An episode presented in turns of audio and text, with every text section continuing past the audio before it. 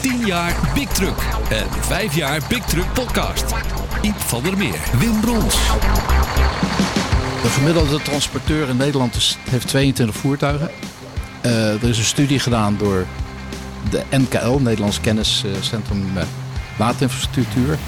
En die laat zien dat het kostprijs-nadeel van 1 kilowatt voor een kleine transporteur versus grote zit tussen de 12 en de 15 cent. Waar je nu bij diesel een level playing field hebt, en dan kan het ook nog eens overal krijgen. En ze betalen allemaal ongeveer dezelfde prijs voor diesel. Uh, ja, ga je straks verschil zien tussen 10 tot 15 cent per kilowatt en uh, 23 tot, tot 30 cent per kilowatt. Big Truck Podcast. De Big Truck Podcast. Welkom bij de Big Truck Podcast. Vanuit Amsterdam deze keer, thuis bij Walter Ploos van Amstel, lector City Logistics aan de Hogeschool van Amsterdam. Ook de gast Jan Schouten, manager energietransitie bij Volvo Trucks Nederland. En verder aan tafel Iep van der Meer, hoofdredacteur van Big Truck. En vanuit de studio een paar honderd kilometer verderop, Wim Brods hier. En aan de telefoon nog Arjan van Houtem, kwaliteitsmanager van Pieter Smit Transport.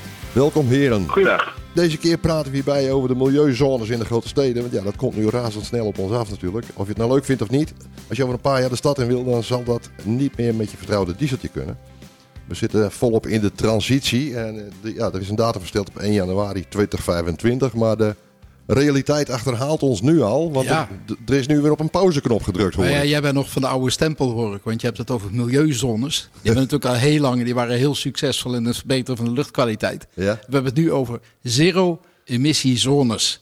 Dat is de overtreffende trap. De overtreffende trap. Je mag straks alleen nog maar in de stad met een elektrisch voertuig. Tenzij je onder een van de vele ontheffingen, vrijstellingen en andere bepalingen valt. Oké, daar zijn er wel heel veel van. En er komen er nog meer van, Ja. als, begrijp ik nu van Misschien de even snel de feitelijkheid. Ja. Ze gaan in, in Nederland in een aantal gemeenten, tot nu toe een stuk of 26, vanaf 1 januari 2025. Sommige gemeenten gaan later. Maar effectief mag je met bestelauto's tot 2027 en de schone bestelauto's tot en met 2028 de stad in.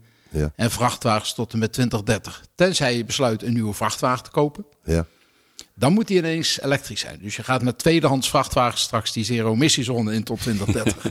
Oké, ja, Ja, en maar dat... als, je, als je het aantal adressen pakt in Nederland wat onder de zero-emissiezone valt, Ja, zoals die nu in de voorbereiding zijn, ja.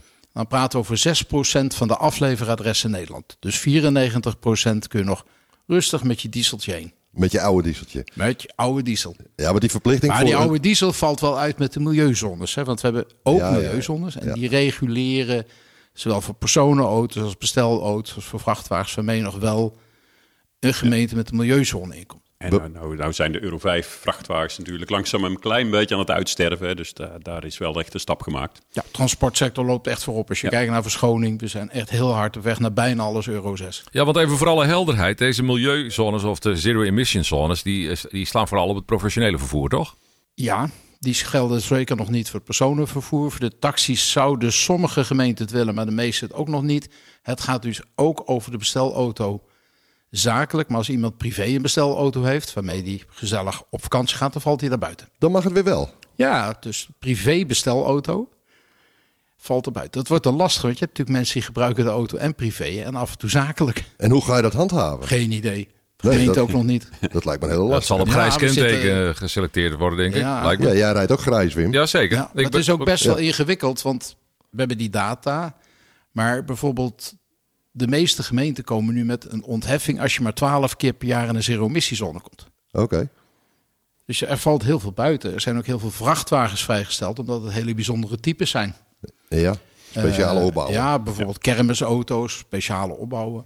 Oh, dat zijn nou precies de jongens die met de oudste trucks rijden. Ja, en dan hebben we de pauzeknop.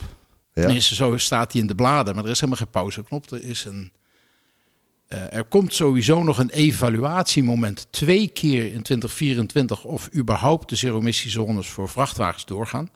Dus we weten het nog niet. En dan gaat de, de nationale overheid de baas. Ja. Gemeenten kunnen geen andere regels verzinnen dan de landelijke regels. Dus we moeten even 2024 afwachten. Dan gaan ze kijken, zijn er voldoende voertuigen? Hoe zit het met de netcongestie? Kunnen bedrijven het aan? Is het te financieren? Dus er zitten nog heel veel mitsen en maren nog afgezien... van dat al die 26 gemeenten nog ook nog verkeersbesluiten moeten nemen. Daar kun je het misschien straks over hebben. Dus de pauzeknop waar we het de afgelopen dagen over hebben gehad... Ja. is naar aanleiding van een motie van Tweede Kamerlid Haga. Die zegt, ik wil een soort zachtere landing hebben voor bedrijven die netcongestieproblemen hebben. Dat zich niet kunnen permitteren. Ja. Ik wil een zachte landing hebben voor bedrijven die weliswaar een vrachtwagen hebben besteld. Maar die hebben een hele lange levertijd, zeker tegen die tijd misschien wel.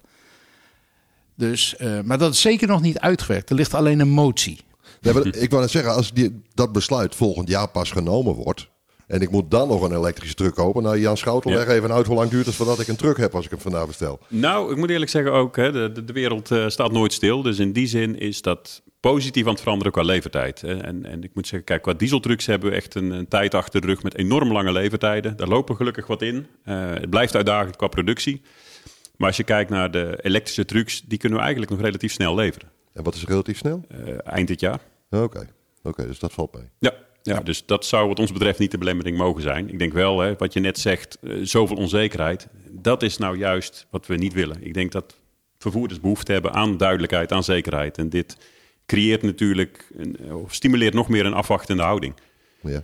van sommige bedrijven. In ieder geval bedrijven die in de stad moeten zijn. Want je Ja. ziet dus natuurlijk de grote verladers als Nestlé, Unilever, de chemieproducenten, de bouw. Ja. En de bouw wordt nu echt zero-emissie eis gesteld bij aanbesteding. Ja. Ook door de, de overheid. Eh, de reden waarom we natuurlijk zero-emissie gaan, is niet vanwege luchtkwaliteit. Dat dachten we vroeger, maar dat is echt heel erg lang geleden. Ja. Eh, luchtkwaliteitprobleem zit vooral bij banden. Eh, maar wat we zien is dat we moeten verduurzamen met elkaar. We hebben doelstelling voor 2030, 60% CO2 omlaag. Nou, de transportsector heeft het heel goed gedaan de afgelopen jaren. Ja. We hebben alleen maar de CO2 zien toenemen. Ja, Want die doordat er meer 60% verkeer is is. ten opzichte van 1990. Ja. Nou, we zitten nu bijna 200% hoger dan 1990. Dus 60% omlaag betekent voor onze sector een factor 4 tot 6 in minder CO2-uitstoot per kilometer. Ja. Nou, de grote bedrijven als Nestlé, die hebben dat in hun scope 2 en in hun scope 3 zitten. Dat zijn hele dure woorden in hun duurzaamheidsprogramma's. Dus die dwingen dat gewoon nu af. Dus een transporteur die gaat zitten wachten op wat regelgeving in gemeenten. Die gaat straks snoeihard Die zijn grote verladers tegenkomen. Ja, ja. Nee, dat, dat zien we ook hè, bij klanten die met een duurzaamheidsagenda werken. De milieuzones, natuurlijk, het heeft effect, maar dat zet niet de grote druk achter de echte verduurzaamslag hè, richting CO2-reductie. Dat doen inderdaad enerzijds regelgeving voor truckfabrikanten. We moeten gewoon een x-aantal elektrische trucks gaan, le- gaan leveren. Diesels moeten nog een beetje zuiniger worden. Maar je ziet dat de grote bedrijven een duidelijke duurzaamheidsagenda nu hebben. De science-based targets. En die gaan dus echt in de keten verder kijken. De zogenaamde scope 1, 2, 3.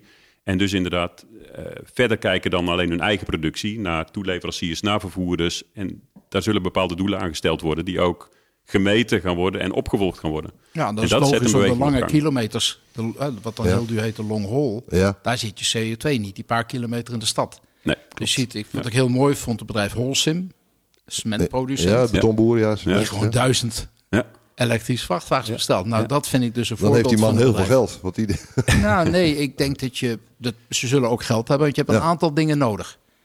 Je moet nadenken over wat is het juiste voertuig. Misschien dat we daar straks al eens over moeten verder praten. Je moet nadenken over het gevolg voor je planning. Je moet nadenken over het gevolg voor je bereider. ja. Want die bereider bepaalt heel erg je energiegebruik van die vrachtwagen, daarmee de actieradius. En financiering is best een lastige. Want voor transporteurs, die hebben vaak veel vreemd vermogen. En dan zegt de bank nu van, ja, als je een, een dure auto leest, wat is er gebruik? Doet die elektrische auto niet onder voor een diesel. Nee. Echt niet. En zeker als je energie slim regelt. Hè, want wij denken meteen aan energiekosten als 40 cent of 80 cent per kilowatt of 25. Maar dat de, de grote transporteurs en producenten zitten op 8 tot 12 cent. Dan zit je op een factor van ongeveer de helft van de dieselkosten. Dus de kosten van dagelijks gebruik zijn prima. Maar het financieren en leasen van de vloot. Dat is een heel ander verhaal. Ja, Ja, ja. en daar zie je nu dat zowel de overheid komt met hele slimme maatregelen, als bijvoorbeeld goedkopere rente, lage rente, subsidies. Maar er komen ook garantiefondsen voor bijvoorbeeld MKB-ondernemers. We hebben veel MKB-ondernemers in transport. Dus die financiering was echt wel een dingetje. Hij is heel veel duurder, maar hij is goedkoper in het gebruik. Maar dat heel veel duurder betekent dat je balans verlengt. En dan zegt de bank, sorry, dat mag ik niet, want dan ga je te veel vreemd vermogen krijgen. Ja. Ik, ik wil even naar Arjen van Houten van eh, Pieter, eh, Pieter Smit Transport. Eh, hoe, hoe zien jullie dat? Jullie rijden natuurlijk door heel Europa, maar je moet ook juist overal de binnenstad in. Met, eh, jullie rijden voor evenementen. Ja, klopt. Je komt bijvoorbeeld uit Parijs, maar dan moet je even bij Carré lossen. Ja, hoe, hoe, gaan, hoe gaan we dat doen? Ja, dat, is, eh, dat wordt voor ons zo meteen wel een uitdaging, ja. Ehm, ik moet zeggen, wij, wij zijn wel wat innoveren. We zouden graag, eh, we zouden graag elektrisch rijden. Ehm, op dit moment is het meest maximale haalbare voor ons is, is, eh, is, is de HVO. eh HVO diesel. En da- daar rijden we dan ook op. Sommige klanten vragen daar gewoon aan. Ja. Ehm, maar wij zouden wel graag ehm, eh, ook gewoon elektrisch, eh, elektrisch gaan rijden. Alleen het moet praktisch wel gewoon haalbaar zijn. Ja. En dat is wel een beetje waar wij nu tegenaan lopen. Als we een acceleratie hebben van, van, van 300 kilometer, is het voor ons gewoon niet, niet haalbaar. Het is gewoon niet te doen. Nee. Eh, om maar een voorbeeld te noemen, wij op dit moment zijn wij met heel veel grote popgroepen op tour. Hè. Noem, eh, noem de Red Hot Chili Peppers, eh, noem Metallica, eh eh Helene Fischer. Ja. En soms doen dit soort popgroepen een overnight, eh, wij noemen dat een overnight, in, eh, met twee chauffeurs op een auto van 1200 kilometer. Ja. Eh, Ja. En met twee chauffeurs op een Dan auto. ga je niet anderhalf uur aan de stekker staan. Nee, dat, dat, dat wordt gewoon lastig. Ja. En ik, eh, ja, wat, ik al zei, wij, wij willen echt wel heel graag. En eh, wij willen ook graag voorop lopen in, in dit, dit soort dingen. Maar op dit moment eh, is het voor ons nog gewoon niet leverbaar. Nee. Buiten, buiten het feit dat wij ook eens een keer rijden met gewoon onze, eh onze low-deck trekkers. Ja. Dus wij hebben niet de, de, de reguliere schootlood van 1,15 meter, maar wij rijden met, met lage trekkers. En daar passen die batterijen gewoon volgens mij nog steeds niet onder. Ehm, Nee. dus nou, ik dat- begrijp dat MAN daar wel volop in zet. Ja, oké. Om ook meteen met een low deck te komen. Ik weet niet hoe dat bij Volvo zit momenteel, Jan. Hebben jullie een low deck electric? Ehm, nou, de- we kunnen wat lage varianten leveren, maar kom je nog net niet op die schotelhoogte die je eigenlijk wil. Want dan zit je inderdaad klem met de accupakketten. Ja. Ehm, dus natuurlijk, het komt eraan eh, in de volgende generatie. Oké. Ja. Dus ja, dat is eh, ja, voor ons, ja, wat je zegt, hè, als je naar, naar Cree moet, is sowieso natuurlijk al een crime. Ehm, En op, op dit, op, op dit, ja, Ja, welkom in Amsterdam. Ja. ja. Nou, en ik denk Maar- eh, dat is wel, wel mooi dat je dat zegt. Hè? Even Een klein stukje vooruitkijkend. Ehm, enerzijds wil je een truc die de stad ingaat. En anderzijds wil je een truc die van eh, Londen naar eh Milaan gaat rijden. ja, Dat doe je nu allemaal met eenzelfde 4x2 diesel trekker. juist. Dat gaat gewoon veranderen. En een, Ja. een, een, een elektrische trekker de stad in ziet er straks anders uit dan een lange afstand trekker. Die wordt langer, groter, zwaarder, extra ruimte voor waterstoftanks, accu's. Ja, dat wordt niet meer een trekker waar je hartje Amsterdam mee in wilt. Nee. Dus dat is Nee. eigenlijk een extra uitdaging. Ja. ja, dat klopt. Nou, ook daarin zouden wij best, best wel investeren hoor. Ik bedoel, wij, hebben op dit moment een, wagenpark van, van 1400 kentekens eh, door heel Europa. Eh, en we willen graag eh, daar ook in, voor, in, in, eh, in voorop lopen. We willen echt graag toonaangevend zijn in, in ons business. Ehm, Maar het moet allemaal wel haalbaar zijn. En dat is, dat is een beetje... Wat, wat ik beetje- interessant vind is eh, dat jullie door heel Europa heen racen. Ja, Want misschien moeten die organisatoren... En ik kom zelf uit de, de, de danssector. Ja. ja. eh, en, en de grote evenementen. We zien dat we steeds meer zorgen dat we ook minder kilometers hoeven reizen met artiesten. En, eh, want die overnight van 1200 kilometer is natuurlijk ook wel iets vanuit CO2-perspectief. Want dat betekent ook dat die hele crew erheen moet. En het hele... Dus ik ben benieuwd of er in de toekomst dan toch rekening gehouden wordt bij de programmering van dat soort artiesten. Maar wat ik spannend vind is natuurlijk dat jullie de ruimte krijgen van de gemeente als Amsterdam. Als je minder dan 12 keer met één kenteken in de stad komt, Ja, ja, ja. dan, dat krijg je vrijstelling. Jullie dat hebben hoeveel eenheden hebben jullie rondrijden? Ja, in, wat ik zei, we hebben in totaal 1400 kentekens. Dus Zeg even aan dieselmotoren op dit moment eh, 500. Even groot. Ja, precies. Dus daar zit, daar zit wat mogelijkheid. En ik vind het heel spannend, want ik kan nog nergens in de regelgeving ontdekken hoe we buitenlandse kentekens gaan handhaven. Nee, maar een ander ding is, kijk, eh, vanuit Amsterdams perspectief is het prachtig dat er een ontheffingje komt. Maar als je dat allemaal moet bijhouden en moet aanvragen, maar dat moet je niet alleen voor Amsterdam doen, maar ook voor Londen, Parijs, Madrid eh, eh, en Stockholm. Ja, dan, dan, dan mogen jullie de bemanning op kantoor wel een beetje uitbreiden, Arjen. Nou, wel nee. Als we nu kijken waar, waar de leveranciers van transportmanagementsystemen, Webfleet, PTV, Ortec mee bezig zijn, die halen dat als data. Hè. We krijgen Ja. één loket in Nederland. We hebben nu al vanuit de Nationale Data Warehouse gestandardiseerde informatie uit heel Europa van de toegangsniveaus, de vergunningenniveaus. Eh, dit, dit, als, dit is ik zeg vanuit het perspectief van de planner makkelijk oplosbaar, omdat straks de planningssystemen dit kunnen.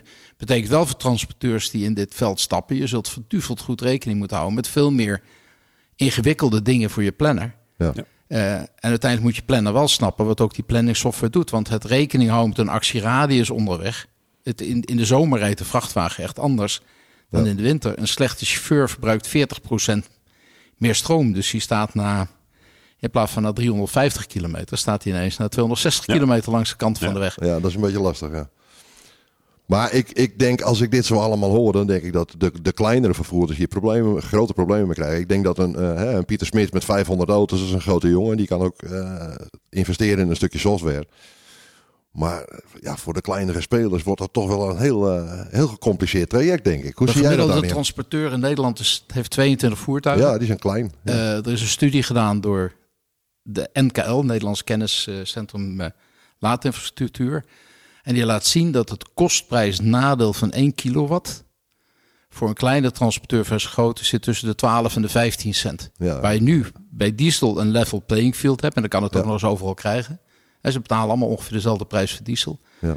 Eh, ja, ga je straks verschil zien tussen 10 tot 15 cent per kilowatt en eh, 23 tot, tot 30 cent per kilowatt. En inderdaad gaan de kleine ondernemers daar nu al heel goed over moeten gaan nadenken. Want zoals je nu werkt, en de locatie waar je nu zit, daar zit je over 10 jaar niet meer. Klopt. Of sommige kleine ondernemers zitten misschien op een soort van gouden locatie. Die juist Ja. enorme kansen biedt hè, aan de rand van een stad. Of, eh, ja, de, de wereld verandert wel echt. En dat is denk ik de kunst om daarop in te spelen. Ja, maar ook te samenwerken met je klanten. De, zeker op het lange afstandsvoer laden de meeste vrachtwagens op fabriekslocaties. ja. De fabriek waar de frietjes worden gemaakt. Eh, de Ja, fabriek de, waar, waar de dikke lijnen. Ja. de dikke lijnen. En fabrieken hebben in het algemeen geen netcongestie, want die zijn helemaal voorbereid al op hun productie. En dat beetje transport wat erbij komt, dat pakken ze zo mee. Dat zien we bij cementproducenten, zien we bij baksteenproducenten. De grote stromen Ja. betekent dat je moet gaan nadenken als transporteur waar je nu ergens onderweg denkt. Ik moet misschien afspraken gaan maken met het magazijn van Albert Heijn. Met de fabriek van Unilever. Ja, maar met dat werkt de echt- chemieconcern in Pernis, waar ik nu met tanksilo's rij. Maar dat werkt echt alleen als je vaste rondjes rijdt. En als je zoals Pieter Smit eh, deze week naar Stockholm moet en volgende week naar Milaan, dan, dan, dan werken dat soort systemen natuurlijk niet. Dat, dat ga je ook niet elektrisch Nee, doen. dat alleen, je, Ja. alleen je zit Nou, wel met het laatste stukje die stad in. Ja, nog, en nog sterk vertellen. Wij zijn in gesprek met gewoon theaters. Hè. Theaters is, is een van onze, ehm, is, is een van onze belangrijkste eh, factoren waarin wij, waarin wij werken.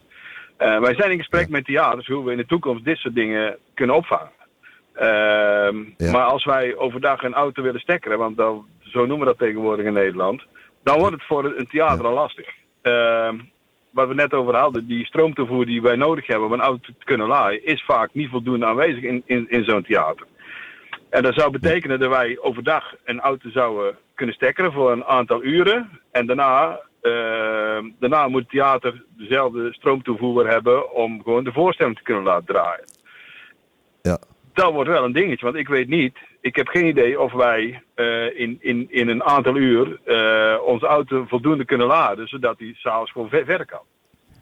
Ja, niet in de stad en niet bij een gemiddeld theater. Nee. Dus we ontkomen er niet aan. Dat, is- dat, is- jullie zitten in een heel lastig segment, hè? ja, Vanuit, absoluut. vanuit elektrisch rijden gezien. Ja, ja. Het is een prachtig segment. Er is geen mooiere sector dan cultuur. Da- Nee. Daarom haal ik hem erbij, want dat is een van de enorme uitdagingen. Ja, maar wat je ziet is dat grote energiemaatschappijen, maar ook, ook hè, de bekende dieselbedrijven als Shell, Ja. echt aan het nadenken zijn nu over snellaadstations voor vrachtwagens.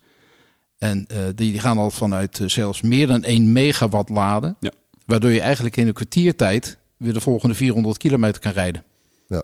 Klopt, dat is de ambitie. Hè? De, de- de- dat je rusttijd kunt gebruiken om, om te laden. Daar moet nog veel voor gebeuren, maar daar wordt wel naar gewerkt. En we zien technisch de mogelijkheden. Het is er allemaal nog niet. Hè? En tegelijkertijd de andere kant. eh, ja, we gaan een enorme stap maken naar elektrische trucks. Maar dat betekent niet dat er geen andere alternatieven meer zullen zijn. Hè? Dus eh, er zal altijd een uitzondering zijn waar elektrisch rijden misschien nu nog niet lukt. Of misschien pas over vijf, of misschien pas over tien jaar. Ja, waar HVO een perfecte oplossing is, transitie, hè, waar je 80, 90 procent CO2 bespaart. Want daar gaat het uiteindelijk om. Ja, alleen dat wordt niet gewaardeerd. Daarmee kom je in die milieuzone niet in. Nee, de zero-emissiezone. Ja, die dan weer wel. Ja, ook niet. Nee, nee, juist niet. Nee. Ehm, Nee. nee, eh, ja, dat... dat Ja. Maar, Uitdagingen genoeg ja, nog. eh. maar even steeds, hè. ja. Nog steeds ook 6% van de theaters in Nederland zit niet in een zero-emissiezone. Dus je, het wordt een ingewikkelde planningspuzzel. Ja. Want wat je ziet is bij bedrijven die zich nu aan het voorbereiden zijn, die gaan echt de eerste jaren met een mix van voertuigen komen. Uh, en eigenlijk is, is, is eigenlijk een hele dom iets om zero-emissiezones te doen. Want dan heb je een harde kut. Je kunt beter tegen bedrijven zeggen van een zero-emissie budget. Dan, Ja. dan kom je er veel, vrij makkelijk uit. Zet het in waar het kan. Ja, want Ja, nu maar- moet je als je straks naar Carré gaat. Want Carré zit In de in. Tivoli in Utrecht, zit er in, eh, in Den Haag.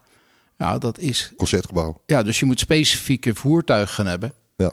Maar dat is niet te betalen. Waar, waar je nu van, met, met je voertuig gemakkelijk van overal naar overal kan rijden. Maar wat ik heel raar Maar wat vind... zijn er over niet betalen?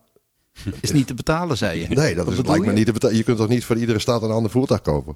Nee, dus we moeten ook zorgen, daar ben ik wel blij, dat de zero-emissiezones zijn in Nederland gestandardiseerd. Ja. Maar dat kan ik me voorstellen als je internationaal rijdt, dat je wel zorg maakt.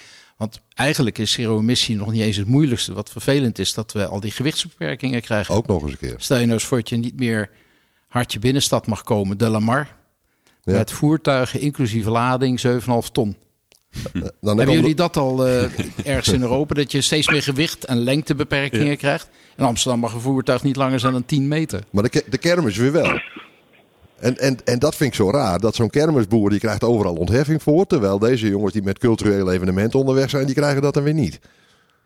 Dat is dat, ik, ik, ik vind dat vol- volstrekt niet uit te leggen. Ja, het is bij ons ook het probleem. Het is niet zozeer, hè, ik hoor net ook planning. Alleen, ehm, wij rijden vaak in tourverband. Dat wil dus zeggen, wij komen niet iedere dag terug bij ons basis. Dus het is voor ons bijna onmogelijk om op de basis gewoon een, een trekker te wisselen. Ehm, Nee. on- onze medewerkers zijn gewoon, ehm, die, die zijn gewoon op tour en die rijden van, van A naar B. En eh, daar moeten ze die dag erop gewoon zijn. Dus ze hebben niet de kans om te zeggen van, ja, weet je, we rijden even terug. eh, onze, onze huisvesting zit in, Nee, Nederland, in, in Nieuw-Vennep. We gaan er even wisselen. En dan rijden we morgen op, op het gemakje even door naar, naar, een, eh, naar een Carré of, of naar een Lamar. Dat gaat gewoon Nee. niet. Nee, zo'n tour is een, een week of twee, drie onderweg. Ja, Eh, je- Wat, wat u schetst is dat Ja. er zit een groot verschil. Ja. Het meeste transport blijft, blijft binnen 150 kilometer. En er rijdt iedere dag hetzelfde rondjes. Maar juist dit, het cultuursegment.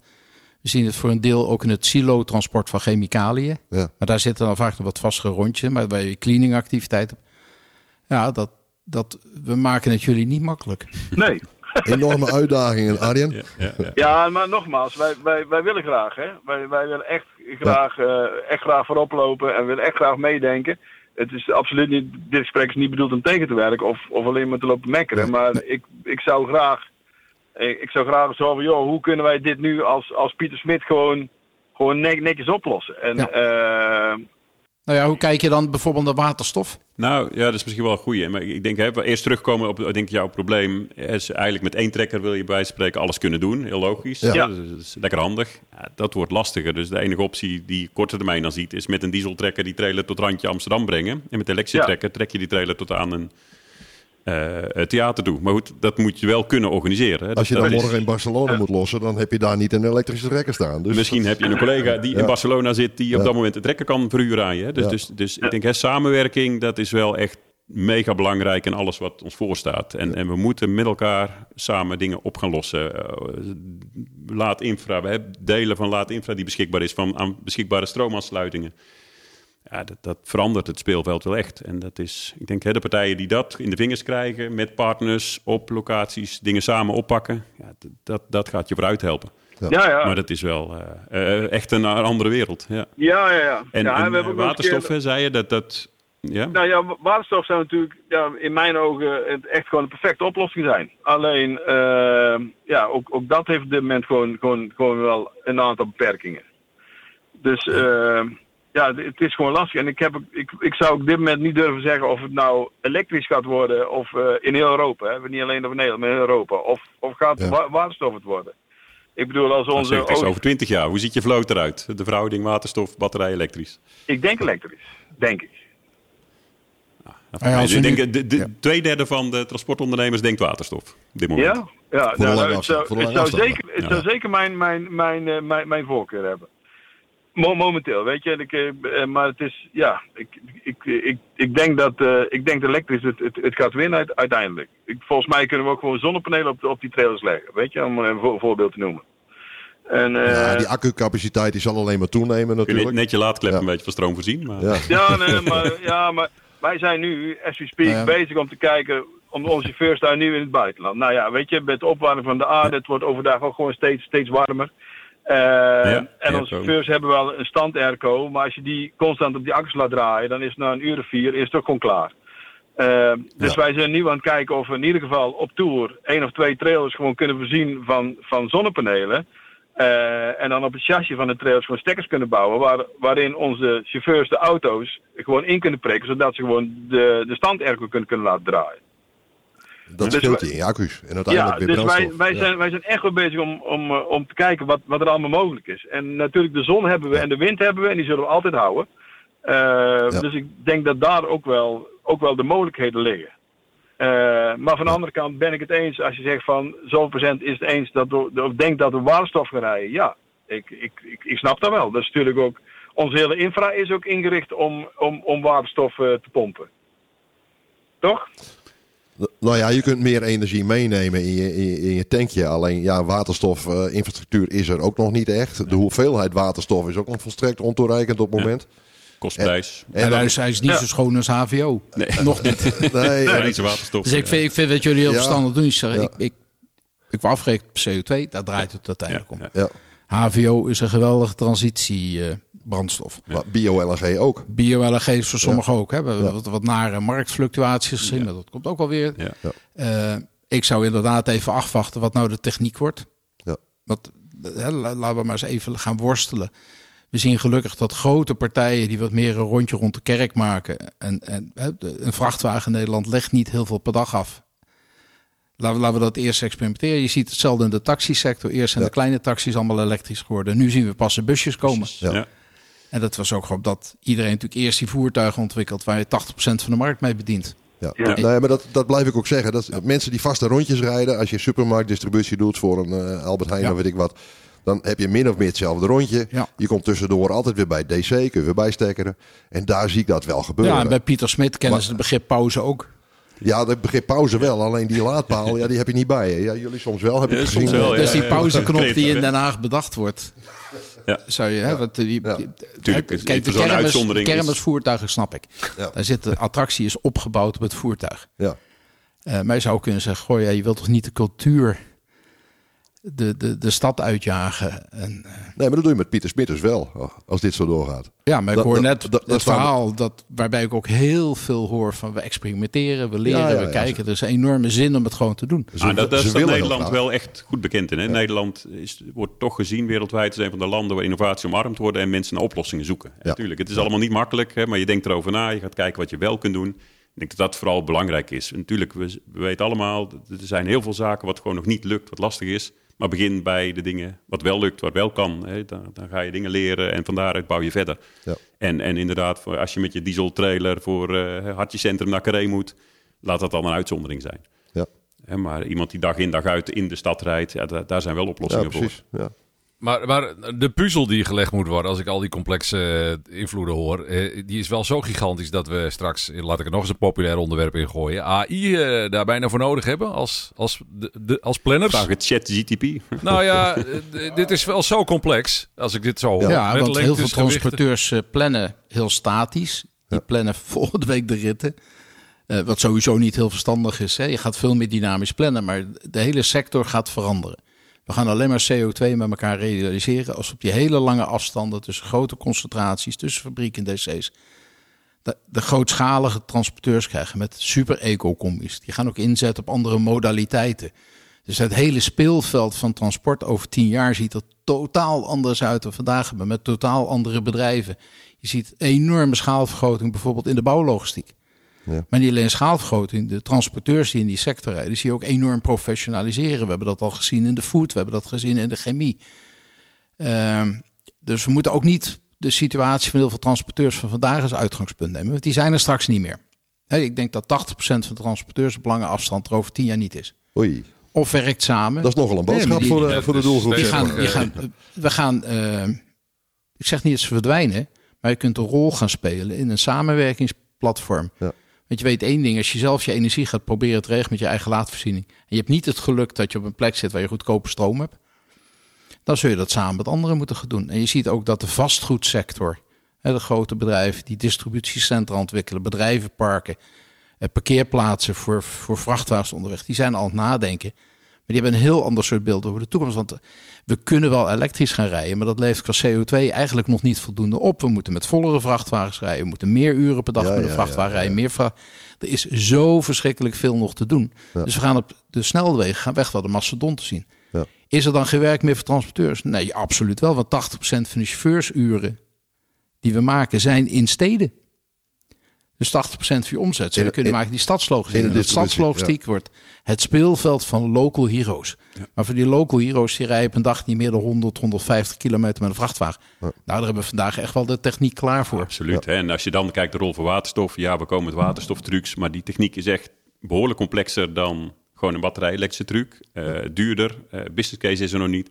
En een waterstoftruc, dat wordt straks een lange afstandtruc met een enorme tank achter de cabine, eh, een lange, grote, zware auto. Dus dat wordt niet de stadsauto. Nee. En wat grappig is, wat je net zei, de, de local heroes, hè, de mensen in de stad, daar zijn we ook mee begonnen. Onze eerste elektrische trucs. Nou, vier jaar geleden heb je er zelf mee gereden, Amsterdam. Een mo- mooie bakwagen, prima geschikt om de binnenstad te bevoorraden. Toch zat daar niet eh, het volume in. Je zag dat, dat, dat, dat we begonnen met vuilniswagens, distributiebakwagens. En je ziet de meeste klanten die nu een elektrische truck kopen, kopen een grote, zware 50 ton truck. Hè, bouwsector bijvoorbeeld, eh, eh, supermarktdistributie die in Nederland ook met trekkeropleggers rijden. Daar zit op dit moment volume in. En, ik ken, en die, die, die bakwagens zijn natuurlijk minder in aantallen. Maar die hebben ook nog wel een, eh, een stap te gaan. Zeker richting eh, 2025, Ja. 2030 als je maximaal van de Nee, overgang je- je wil maken. vrachtwagens qua aantallen. Maar als je chauffeurs uren pakt, inclusief bestelauto. Dan, Ja. Maar inderdaad, als je van de 140.000 vrachtwagens in Nederland kijkt, komen er maar 40.000 in, binnen de bebouwde kom. Ja. Eh, hè, dus we zien dat, dat. Dus je moet als transporteur jezelf ook afvragen welk segment wil ik straks excelleren. En Ja. eh, want je eerste vraag die je zelf moet stellen als transporteur in die veranderende markt met die veranderende brandstof. hè, De manier waarop je brandstof, ja, de, de elektriciteit. eh, Ja. Je moet je, je gaan afvragen van pas ik nog wel bij het soort klanten wat ik nu heb en andersom moet ik niet gaan nadenken over, over in welk segment kan ik straks En je hebt samenwerken. natuurlijk bij de, de pakketdienst gezien, hè? de discussies. eh, Er komen vier verschillende pakketdiensten binnen een uur in dezelfde straat. Kan dat niet slimmer? Hè? In de Ja. huisvuil zie je wat eerste samenwerkingsverbanden met wit, witte vuilniswagens Ja, die voor verschillende Ja. partijen het afval inzamelen. Ja. daar zit ook weer eh, die samenwerking om, om dingen efficiënter te doen. Nou, ik vind het een heel mooi voorbeeld waar partijen. hè, Je hebt de harde stuf van ons vak. Dat zijn die vrachtwagens en die magazijnen. Maar open waste is dan het model wat achter dat delen van capaciteiten zit. Ja. En een soort witte inzamelingen. Daarna heb je ieder je eigen contracten. Met degene bij wie je, hè, de ontdoener, bij wie het afval haalt. En ze hebben een heel mooi systeem ontwikkeld. Waardoor ze precies kunnen volgen. hè, Op basis van het meten van het gewicht. Wie heeft wat waar ingezameld. Ja, ik vind dat we daar een heel goed voorbeeld aan kunnen nemen. Hetzelfde gebeurt eigenlijk in de levensmiddelendistributie en de, de, de, de food service, de groothandel. Ja. Waar via een, or- het platform van Sima kan, eigenlijk op een vrij simpele manier ook vracht kan worden uitgerust. En dat was geweldig tijdens coronatijd. Want alle retailers konden ineens 40, 50 procent meer volume met elkaar regelen. Dat ze precies wisten welke vrachtwagens rondreden met welke lading. Ja. En we hebben eigenlijk geen dag gezeten dat we niet de spulletjes konden krijgen in de winkels die we wilden. De enige was dat de winkels niet snel genoeg hun schappenplan aanpasten. Dat het schap voor toiletpapier gewoon te klein was. Ja, ja, ja, ja, ja. Maar dat was ook na twee weken Ja, dat was, dat was Transparantie is hè, de, de fluff van ons vak, de data, Ja. worden steeds belangrijker. En daarom denk ik ook dat heel veel kleine transporteurs die nu nog in dat soort netwerk zitten, in straks een hele transparante wereld, dat makkelijk hebben. Het is natuurlijk te gek voor woorden dat we in Nederland maar 1% van de vrachtbrieven digitaal hebben. Over Ja. middeleeuws gesproken. Ja, ja, ja, ja. Hè, dus er is geen sector waar niet 80, 90 procent van het gewoon orderverkeer elektrisch, elektronisch verloopt. En onze sector is dat maar 1 procent. Ja, dat is heel, heel bizar. Nou, ja. dat, dat, als we straks met elkaar willen zorgen dat die vrachtwagen permanent kan rijden, goed benut is. Want uiteindelijk gaat het om over drie dingen. Is hij beschikbaar? Ja, hè, vrachtwagens komen er echt aan. Ja. Is hij betrouwbaar? Oh, dan moet je echt het juiste voertuig, de juiste planning, de juiste chauffeur. Dan, dan wordt hij ingewikkeld. En wordt hij betaalbaar? Hij wordt alleen maar betaalbaar als je hem goed inzet. En dus heel slim omgaat met je energie, heel slim omgaat met je bereider. Dus het is heel veel harder werk als je elektrisch gaat rijden dan vandaag. Hey, Ik wil even terug naar Arjan. Eh, nou ja, de uitdagingen lijken me, lijken me logisch. En ik vond het heel leuk om jou even te spreken. Want dat is nou precies de mix van lange afstandstransport tot in het hartje van de stad. Ja, Die, Wat ik hier even vol wilde leggen van, ja, jongens, hoe gaan we dit doen? Ja. En, eh, Jaloers maken de Kees ook voor het onderwijs. Hè? ja, Ja, Hier ja, moet je echt eens even... Ja. Hetzelfde geldt met servicemonteurs in Nederland... die bijvoorbeeld energienetten repareren. ja, Die, hebben, die, die rijden echt kriskassen in Nederland. ja, Dat dat echte specialisten zijn. En die rijden soms op een dag al 400, 500 kilometer. ja. Die Ja, kunnen wij niet met een elektrisch busje. Nee. En wij zijn aan deze misschien in het transport ook wel een beetje vreemde eend in de bijt. Alleen, eh, ja, weet je, het is wel onze, onze, onze core business. Dus eh, het is wel iets waar wij echt over nadenken. En eh, Ja. waar we echt iedere dag... Maar jullie zijn ook het perfecte voorbeeld van een bedrijf... dat de strategie gekozen heeft... Ja, om echt wereldbeste speler te zijn in die evenementensector.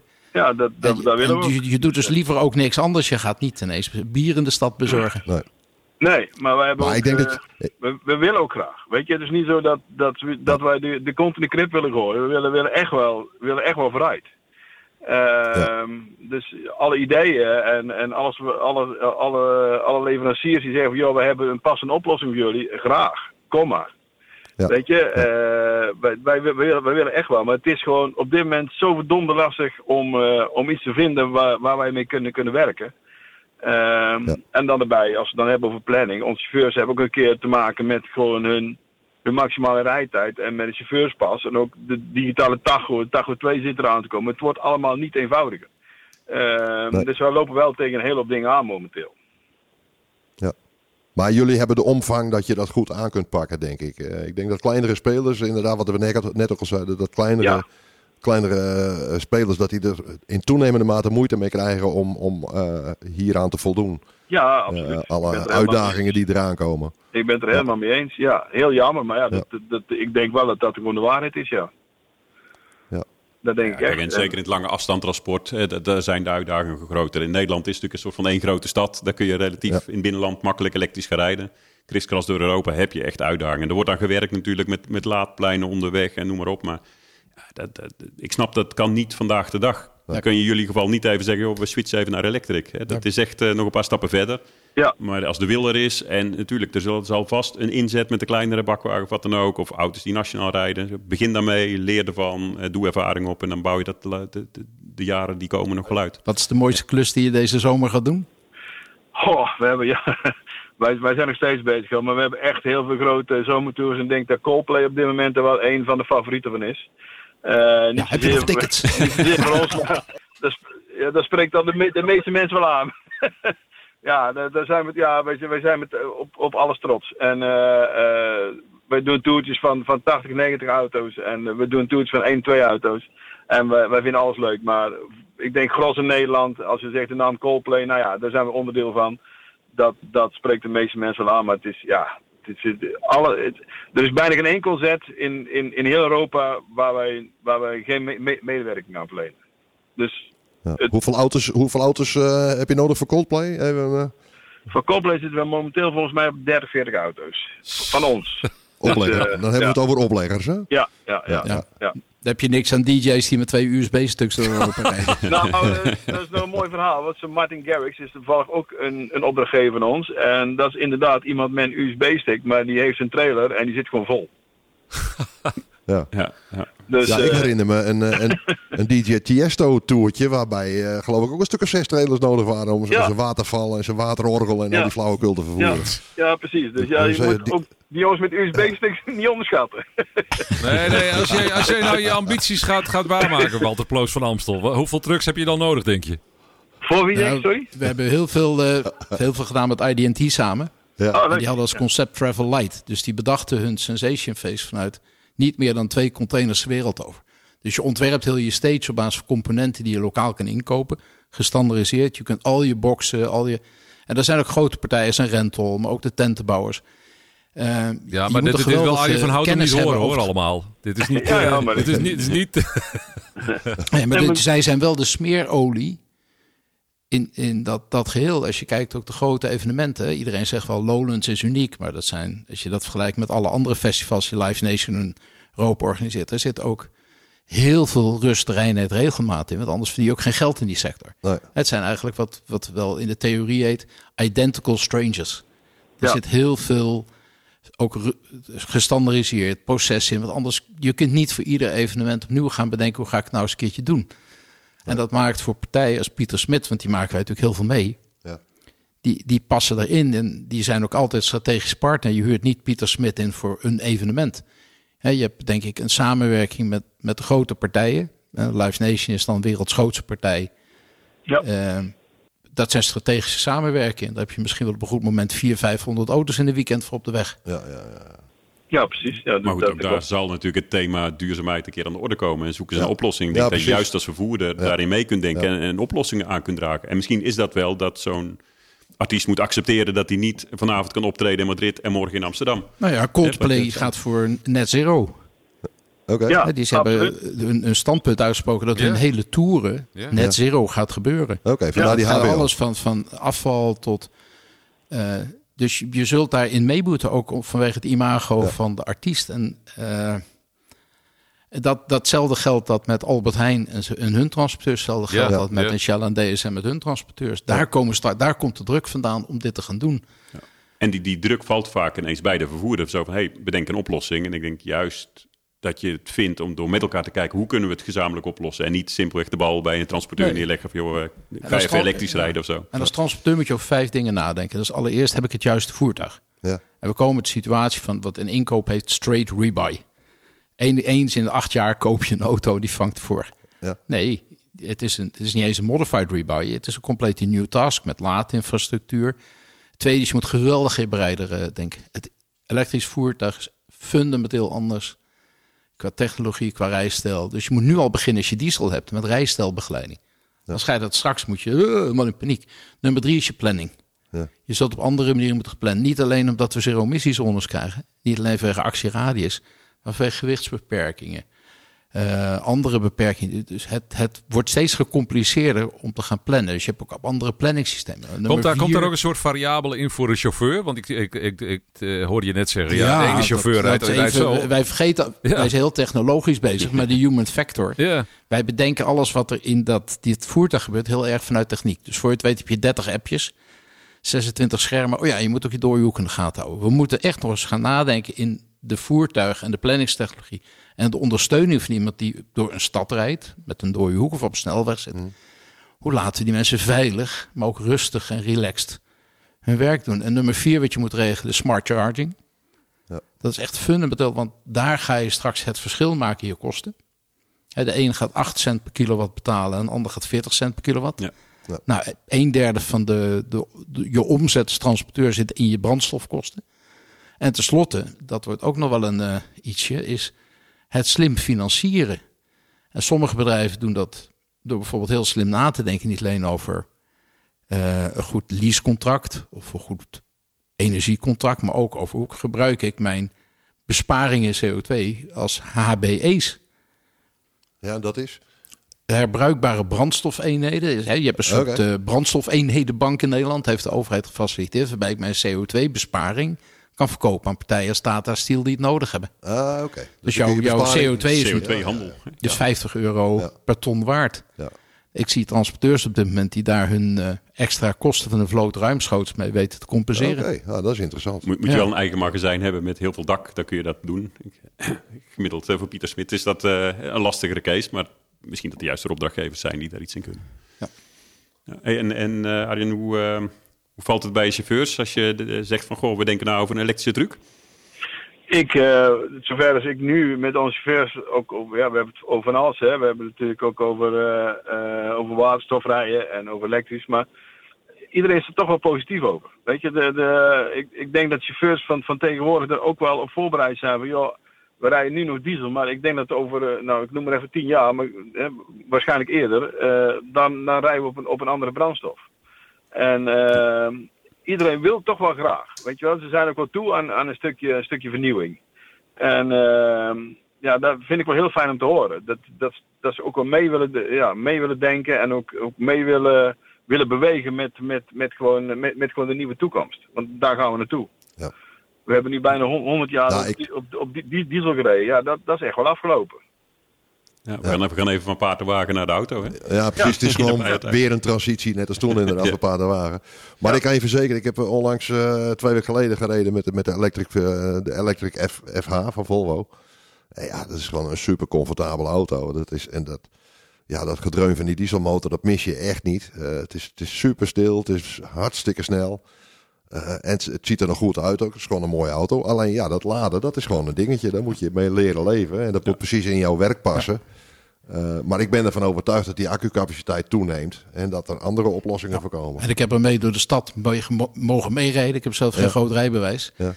Eh, en dan zie je dat die vrachtwagen niet alleen heel geschikt is als elektrische vrachtwagen, maar hij is ook helemaal ingericht voor de stad. Ja. Als je ziet wat voor zicht een chauffeur heeft, welke informatie die geeft, hoe het echt vanuit de ergonomie ook. Bedacht is. Het is niet zo dat we alleen maar vrachtwagens elektrisch aan maken zijn. We zijn natuurlijk ook echt aan het nadenken over het voertuig van de toekomst. En ik heb laatst gereden op Zandvoort. Oh, joh. Met een eh, elektrische vrachtwagen. Ook leuk. Vond ik ook wel spannend, want Ja. dan hang je zo schuin en denk je, eh, gaat dat toch goed? Maar die Ja. batterijen geven heel veel... eh, Lekker laag zwaartepunt. Ja, Ja. precies. Kortom, eh, ja, er gaat de komende tien jaar heel veel veranderen in onze wereld. Eh, ja, dit, eh, leuk om, eh, om daarover eh, door te praten. En ik ben eigenlijk heel erg benieuwd waar we precies heen gaan. Dat weet helemaal niemand nog op dit moment. Eh, ja, we, blijven, we blijven erbij. We blijven de vinger aan de pols houden over eh, wat de techniek kan leveren. Wat de energieboeren ons aan stroom kunnen leveren. wat de waterstofenergie... energie, de waterstofeconomie, of dat op gang gaat komen en hoe snel dat gaat. Ja. Maar iedere, En, iedere transporteur zal echt moeten nadenken over... heb ik een chief energy Ja. officer nodig? Ja. Want je koopt een voertuig, maar het grootste deel van je investering zit in de batterij. Ja. En die batterij gaat straks bepalen hoeveel payload je hebt. Dus het aantal variabelen wat je hebt bij de keuze voor je fleet... is vele malen groter dan met de dieseltechnologie. De uitdagingen zijn mega. Nou ja, balans tussen hoeveel batterij ga je meeslepen versus kan ik tussentijds misschien bijladen. Kan ik wat kilo's besparen door een accuutje minder erop te zetten. Eh, ooit bij diesel hadden we de discussie ook al hè, met tankvervoerders die op elke kilo letten. Zeg, Ja, ik kan eh 1000 liter diesel meeslepen en één keer per week tanken. Of ik kan met 300 liter gaan rijden en om de twee dagen tanken. Ik zie toch allemaal een hele grote, hele grote rol toch wel weggelegd voor slimme software hoor. Eh, met eh, de- planning Ja, software met name. Ja. Absoluut. Ja. Ja, en, en software die niet alleen bedrijfsintern is, maar heel veel gebruik gaat maken van bijvoorbeeld weersinformatie. Het weer, temperatuur is een hele grote factor. Ja. En je actieradius, die je om verkeer heen gaat helpen. Die je misschien wel, als er dagen zijn waar stroom heel goedkoop is, dat Ook nog eens, het ja. systeem je meteen, Ja. hè, stel dat het nu heel zonnig is bij een Albert Heijn DC en er zijn geen vrachtwagens, dan moet ik die stroom bij wijze van spreken betaald in het net gaan stoppen. Ja. Misschien is dan wel even de stroom op dat moment. Hè, dus je moet hyper operationeel straks kunnen plannen. Ja. En dat betekent dat je je systemen moet openzetten, niet alleen voor je eigen informatie, maar ook voor de, de informatie uit de keten waar je rijdt, maar ook voor publieke informatie over verkeer, weer, incidenten die er zijn.